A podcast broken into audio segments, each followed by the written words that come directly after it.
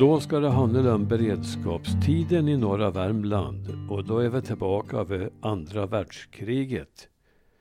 Men artikeln är inte så gammal som så utan den skrevs och publicerades i alla fall den 6 och 13 november 2008. Först ett citat ur ett brev som skrevs i Brannäs den 24 april 1940. Du må tro att det hördes väl hit när tyskarna bombarderade Elverum. Sjukstugan i Långave är full med sårade norskar som varit med i striderna vid Kongsvinger och flera andra ställen. Här i Brannäs väntar vi på evakuerade som skulle komma till skolhuset. Där var det slut på det citatet. Många nordvärmlänningar har vittnat om hur de hörde bomberna som föll den 11 april 1940. Två dagar efter den tyska ockupationen. De som bodde nära gränsen såg också de tyska bombplanen med hakkorsen på.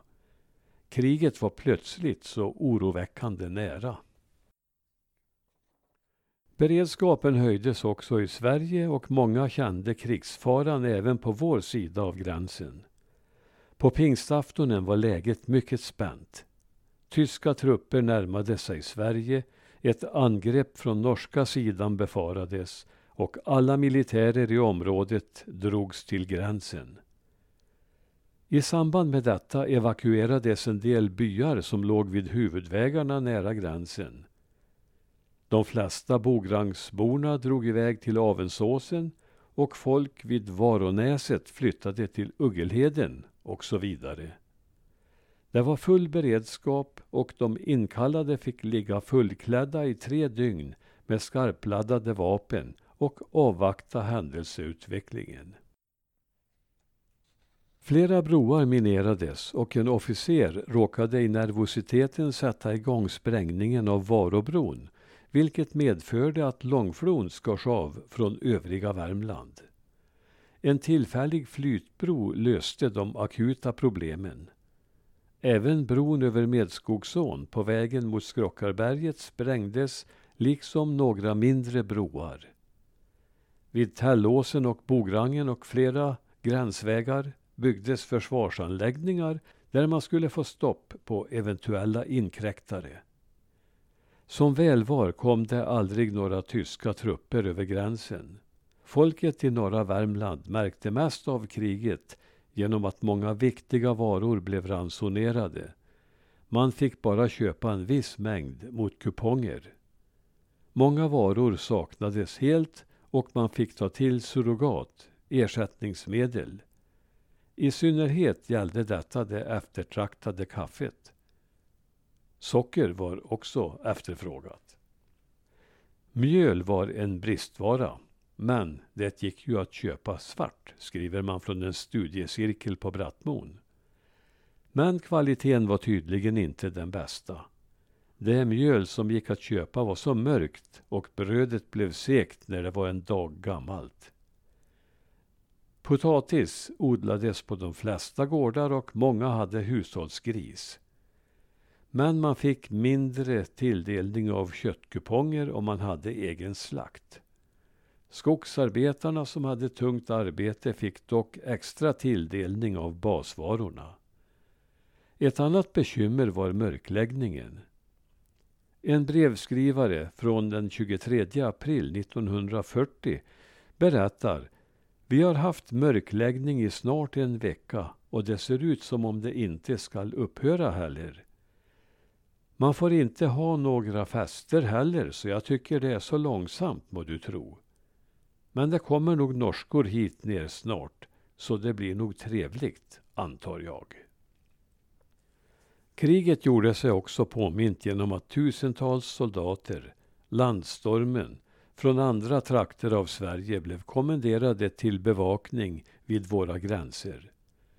De blev förlagda i första hand i skolor och samlingslokaler i alla byarna nära den norska gränsen. Många hus beslagtogs på detta sätt av militären.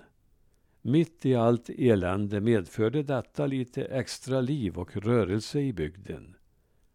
Konkurrensen om flickorna blev hård. Det var inte lätt för pojkarna från bygden att hävda sig gentemot främlingarna. I brevet från Brannäs läser vi vidare. Nu må du tro det är liv och rörelse här uppe när alla landstormsgubbar är mobiliserade upp till gränsen. På Brattmon fanns en stor ansamling militärer och från studiecirkeln rapporteras. I denna lilla by blev det rush när militärerna kom hit.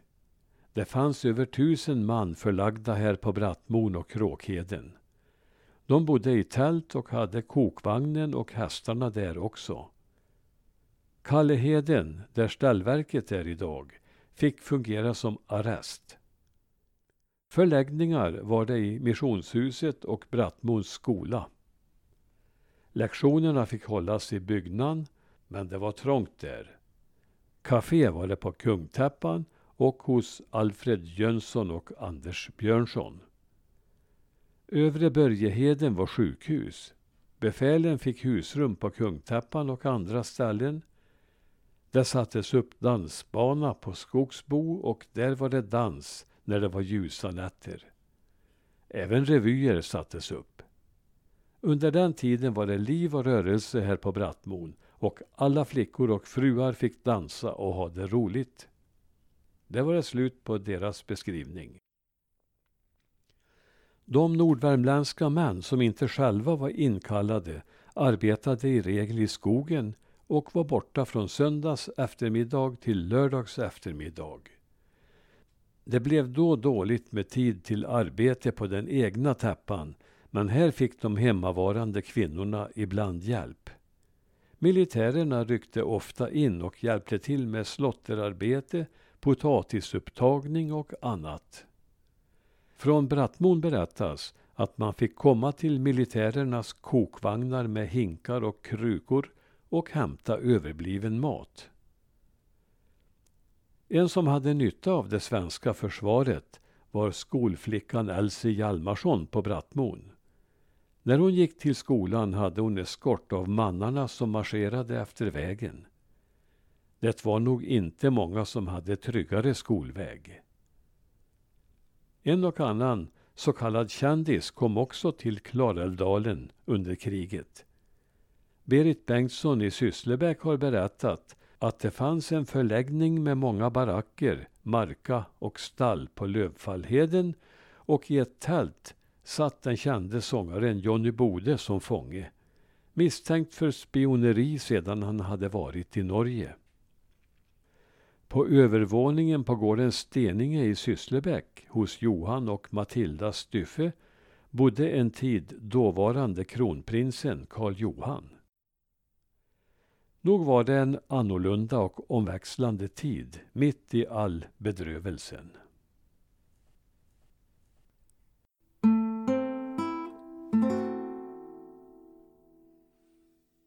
Trots att gränsen mellan Sverige och Norge var strängt bevakad under andra världskriget förekom en omfattande trafik däröver. Många norrmän men också deserterande tyskar rymde över gränsen till Sverige och mot slutet av kriget kom också ryssar som suttit i arbetsläger. På den svenska sidan fanns många som var villiga att hjälpa flyktingarna och många tog också stora risker.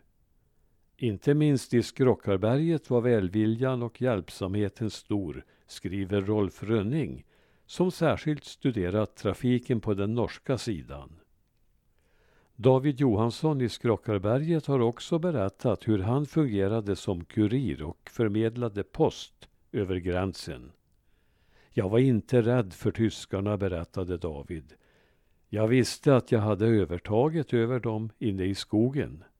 Dit gav de sig inte gärna. De gränsbor som kände till skogarna väl klarade riskabla transporter över gränsen. Många fler än David Johansson har vittnat om hur ogärna tyskarna gick in i skogarna och när det någon gång hände förde de ordentligt oväsen. Farligare var då de så kallade kvisslingarna, norrmän som hjälpte ockupationsmakten och som kände de lokala förhållandena. Älgklinten är ett gränsberg som södra Finnskoga delar med Hedmark. Och till detta berg ledde inga vägar. Därför blev det ett utmärkt ställe att träffas på för att umgås och byta nyheter och lämna svenska varor till norrmännen. Sista söndagen före freden samlades 62 norrmän på berget. De var där för att få radiorapporter från svenskarna eftersom de själva hade radioförbud. Till Djurberget kom norrmän ofta över för att lyssna på radio hos de svenska grannarna. Då och då tittade också tullarna in och då fick de besökande norrmännen smyga undan tills dessa hade gått sin väg. Ante Ante var den norska motståndsrörelsens kontaktman i norra Värmland och han förde över till hemmafronten mycket som var i hög grad förbjudet. I Antes fall var han så starkt engagerad att han var försedd med en giftampull som han skulle tugga sönder om han blev tillfångatagen och pressad. De flyktingar som kom till Sverige hade ofta hjälp av norrmän som kände skogens vägar och stigar. Dessa utsatte sig för stora risker och Sven Bengtsson från Uggelheden har berättat om hur hans norske svärfar fick sitta 16 månader på Grini sedan tyskarna upptäckt att han hjälpte flyktingar. I Sverige blev de flesta väl mottagna men det har berättats om rädsla för någon tyskvänlig tullare och landsfiskal. I Uggelheden tog man emot flyktingarna i ett särskilt hus och i bastuknappen gick det till på samma sätt. Säkert var det likadant i de flesta gränsbyarna. En intressant dagbok finns bevarad av en norsk motståndsman, Johan Kveisengen, som blev varnad för att tyskarna var honom och tre av hans kamrater på spåren. Varningen var utsmugglad från Grini den 18 september 1943 och försedda med falska pass med täcknamn drog de varnade motståndsmännen några dagar senare från Östbanestationen i Oslo österut mot svenskgränsen. Passen behövde de för att komma ut ur staden och på tåget blev de granskade av stadspolisen. Man kan förmoda att det var spännande sekunder innan polisen nickade sitt godkännande. Vid Namnå kom en lastbil och mötte och tog dem in i skogstrakterna och så startade en marsch som skulle ta åtta timmar. Detta var den 5 oktober 1943. Johan beskriver vandringen som tung. Den ledde över blötmyrar och fem berg. Det sista stycket var de dessutom tvungna att kryssa över flera vägar och deras vägvisare gick då med handen på revolvern. På kvällen kom de fram till Baksjöberget, 50 meter från svenska gränsen. Där köpte de mjölk och tog farväl av vägvisaren. Mannen som bodde på gården fick betalt för att följa dem vidare till närmaste svenska hus som låg en timmes vandring in på de svenska finnskogarna. Halv tio på kvällen anlände de till Blindhönstorp i Bjurberget. De bankade på och blev insläppta. Mannen var borta på kolning men kvinnan bjöd dem att ligga på golvet över natten. Det var inte första gången hon hade fått liknande besök. På morgonen den 6 oktober var det dåligt väder men sällskapet måste vidare. Det gav Olivia Eriksson, som värdinnan hette, en del av maten och gick vidare. Efter hennes anvisning fortsatte de en timme fram till ett café i Mackartjärn varifrån de skulle ringa landsfiskalen i Sysslebäcksdistriktet. Härifrån följer vi Johans egen berättelse översatt till svenska. Det var käcka människor här i Mackartjärn och de ringde genast till landsfiskalen. Här åt vi och hade det mycket bra. Först fick vi vetebröd och kaffe, så middag och till slut kaffe och kakor. Klockan sex kom en polis och hämtade med bil. Vi sa farväl, tackade för oss och reste. Det var fem mil till landsfiskalen men då det var så långt lidet på dagen stannade han vid polisstationen ett par mil längre bort. Bograngen förmodligen. Och här fick vi ligga i en barack som var uppsatt för detta ändamål. Här fick vi mat som kom från ett café som låg i närheten. Den 7 oktober 1943 fortsätter Johans berättelse. Fram på eftermiddagen körde den andra polisen på stationen oss ner till sjukstugan i Dalby sedan vi först visiterats av båda poliserna. Sjukstugan låg tre och en halv mil längre ner, strax nedanför landsfiskalen. Här skickades vi ner i källaren för att man skulle se efter om vi hade lus. Alla kläder togs av oss och desinficerades. Vi fick ett härligt bad och så fick vi sätta på oss sjukstugans randiga kläder och blev anvisade en egen sal. Där fanns också ett par andra norska flyktingar. Där satt vi på kontoret hos översköterskan och spelade radio och skojade. Den 8 oktober 1943. Vi fick tillbaka våra kläder de var mycket skrynkliga men vi lånade strykjärn och pressade dem. Och så gick turen en halv mil neröver längs Klarälven till tingshuset i Likenäs. Här skulle vi avge förklaring för landsfiskalen. Vi fick ett fint rum med sängar och tvättfat. Tvärs över vägen låg gärdsgiveriet och dit fick vi gå och äta. Den norska regeringen betalade allt för oss. I övrigt fick vi inte gå utanför tingshusområdet. Vi fick låna en kortlek och spelet gick trögt tills tingshusvaktmästaren meddelade att landsfiskalens ombud hade kommit för att förhöra oss. Vaktmästaren hade skrivit ner vår berättelse i förväg om varför vi måste lämna Norge och var vi kommit in i Sverige. Vi hade fått order om att säga minst möjligt och i synnerhet inte berätta att vi hade varit med i militärorganisationen. Det var en bra kar, denna landsfiskalens ombud. Han såg om vår packning och räknade pengarna vi hade med. Och så fick vi utbetalat 8 kronor var plus tågbiljett till Vingåker. Det kan påpekas att i Vingåker var det som flyktingförläggningen fanns. Så fortsätter Johans berättelse den 9 oktober 1943. Vi skulle resa klockan nio med bussen till Råda station. Dit var det cirka nio mil. Vi åt oss mätta och belåtna och sa adjö till de trevliga damerna på gärdsgiveriet som hade serverat oss och låtit oss få sitta och njuta i salen medan vi hörde radio. Vi fick med oss varsin matsäck. Det var limpa, tjockt med smör och korv. Så bar det av nerför dalen.